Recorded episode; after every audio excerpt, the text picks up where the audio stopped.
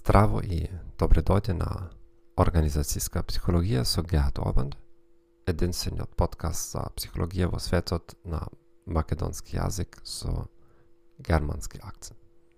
Денес ќе зборуваме за сообраќајна психологија. Сообраќајната психологија е дисциплина на психологијата која ја прочува врската помеѓу психолошките процеси и однесувањето на учесниците во сообраќајот. Општо, сообраќајното психологија има за цел да ги примени теоретските аспекти на психологијата со цел да се подобри мобилноста на сообраќајот преку помагање во развој и примена на контрамерки на несреќи, како и преку водење на посокуваното однесување преку едукација и мотивација на учесниците во собракајот. Кога ова може да биде релевантно за вас? Вашата компанија многу се подпира на услугите за транспорт. Резултатите од истражувањето во собракајната психологија може да се применат и во други ситуации на интеракции помеѓу човечки оператори и машини.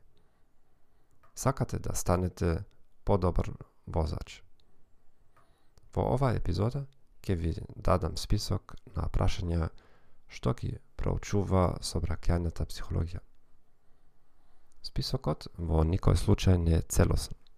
Се надевам дека ќе се вратиме на некој од нив за да можеме да зборуваме за конкретни истражувачки студии. Ментално здравје и возење.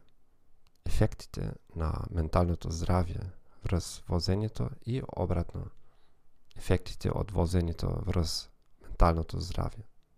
Неврологија и стари возачи визуелно внимание додека возите автомобил. Личност и возење. Човечки фактори и ергономија. Фактори кои влијајат на употребата на сигурносните ремени. Возење с алкохол. Повреда на ограничувањата на брзината расеаност на возачот, замор на возачот, контрамерки за намалјување на ризикот, едукација и обука на возачот, убедување и мотивациони пораки. Спроведување на сообраќањите правила. Ви благодарам што го слушавте овој подкаст. Ви посакувам убав ден и среќна нова година. С Богом!